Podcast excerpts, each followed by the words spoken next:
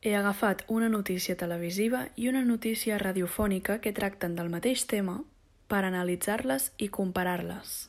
Abans de tot, posaré en context la ràdio i la televisió amb les seves diferències i les seves característiques més importants. Característiques rellevants de la ràdio. Arriba a l'oient de manera més personal que altres mitjans, ja que l'emissor i el receptor es comuniquen sense veure. La ràdio possibilita que el receptor imagini el que se li està transmetent. Aquest crea les seves pròpies imatges mentals. Al no proporcionar imatges, estimula la imaginació de l'oient.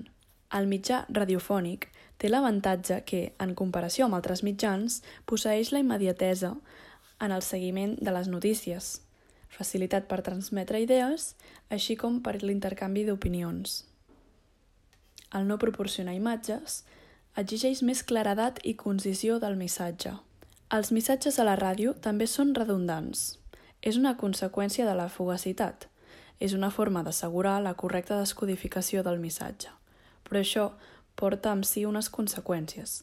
Limita la informació, ja que en la ràdio només es poden expressar unes poques línies en cada emissió, i un cert perill de monotonia, ja que aquesta repetició pot provocar avorriment.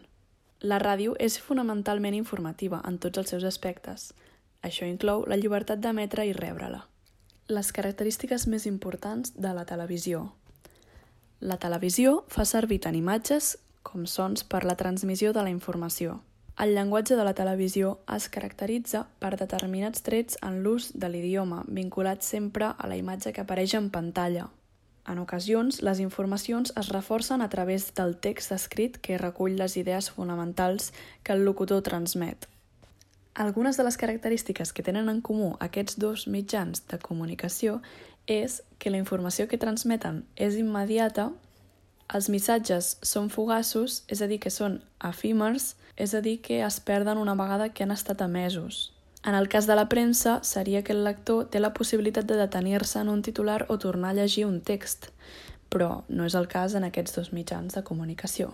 I el llenguatge comú que tenen és la claredat i la brevetat, és a dir, que s'eviten expressions llargues i estructures complexes, i l'expressivitat de la paraula, és a dir, que el locutor adapta l'expressivitat i el to al contingut. La conclusió d'aquesta explicació general és que les avantatges de la ràdio són que és un mitjà més àgil que la televisió, el que permet oferir ràpidament la informació d'última hora. Normalment els oients de ràdio estan realitzant simultàniament una altra activitat. Se sent ràdio a la feina mentre es realitzen tasques domèstiques, es condueix abans de dormir... És un mitjà fàcil de transportar i de portar a qualsevol lloc. Els inconvenients de la ràdio serien que és la pròpia naturalesa d'un mitjà que només permet la transmissió de sons i l'atenció dels oients és limitada i no permet dedicar massa temps a una sola informació, el que impedeix l'aprofundiment dels diferents assumptes. En canvi, en la televisió, els seus avantatges són que permet la difusió d'imatges, el que li atorga una gran credibilitat i és un mitjà de gran abast, Després d'aquesta breu introducció per posar-nos en context, us explico que la notícia que he triat tracta sobre el circ del trapezi que es reinventa i es divideix en tres fases pel coronavirus.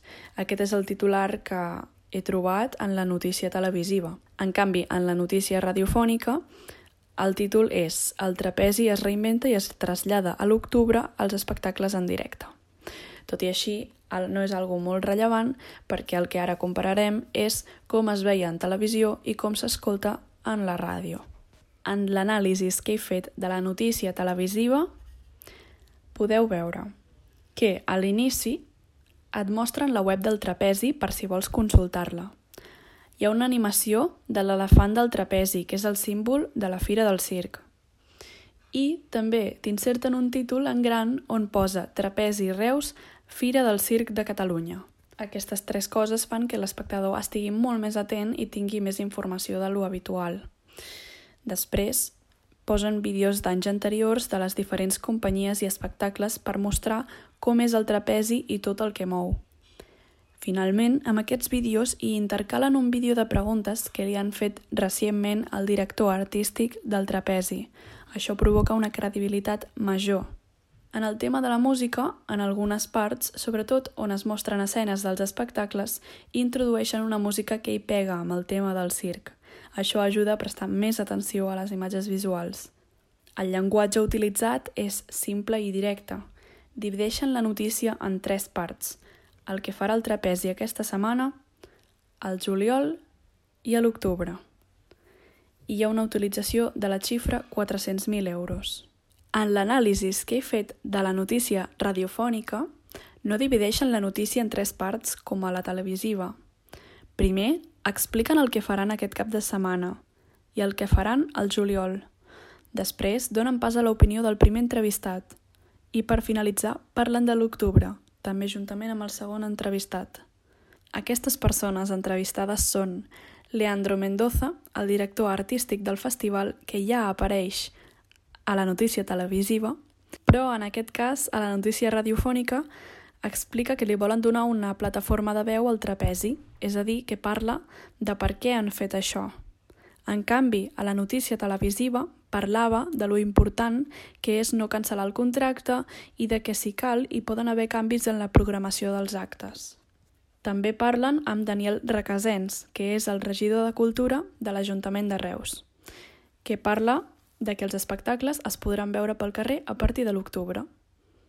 Sobre la música, posen la mateixa que a la notícia televisiva, però només la posen al principi i s'acaba fins quan comença a parlar Leandro Mendoza. També s'ha de dir que es nombren xifres que no s'havien nombrat a la notícia televisiva, com per exemple 24a edició i d'una trentena d'espectacles programats en quedaran una vintena. Tota aquesta informació no sortia a la notícia televisiva i a la radiofònica sí. La meva conclusió, doncs, és que com a manera d'estructurar la notícia, la més entenedora és la televisiva. Tot i així, en la radiofònica hi ha molts aspectes que no s'expliquen en la televisiva i que són molt importants per entendre la cultura del trapezi i tot el que significa. També he pogut notar que en la notícia radiofònica s'entén molt millor a les persones entrevistades, ja que en la televisiva posen música de fons que fa que no s'entengui amb molta claredat el que estan dient els entrevistats.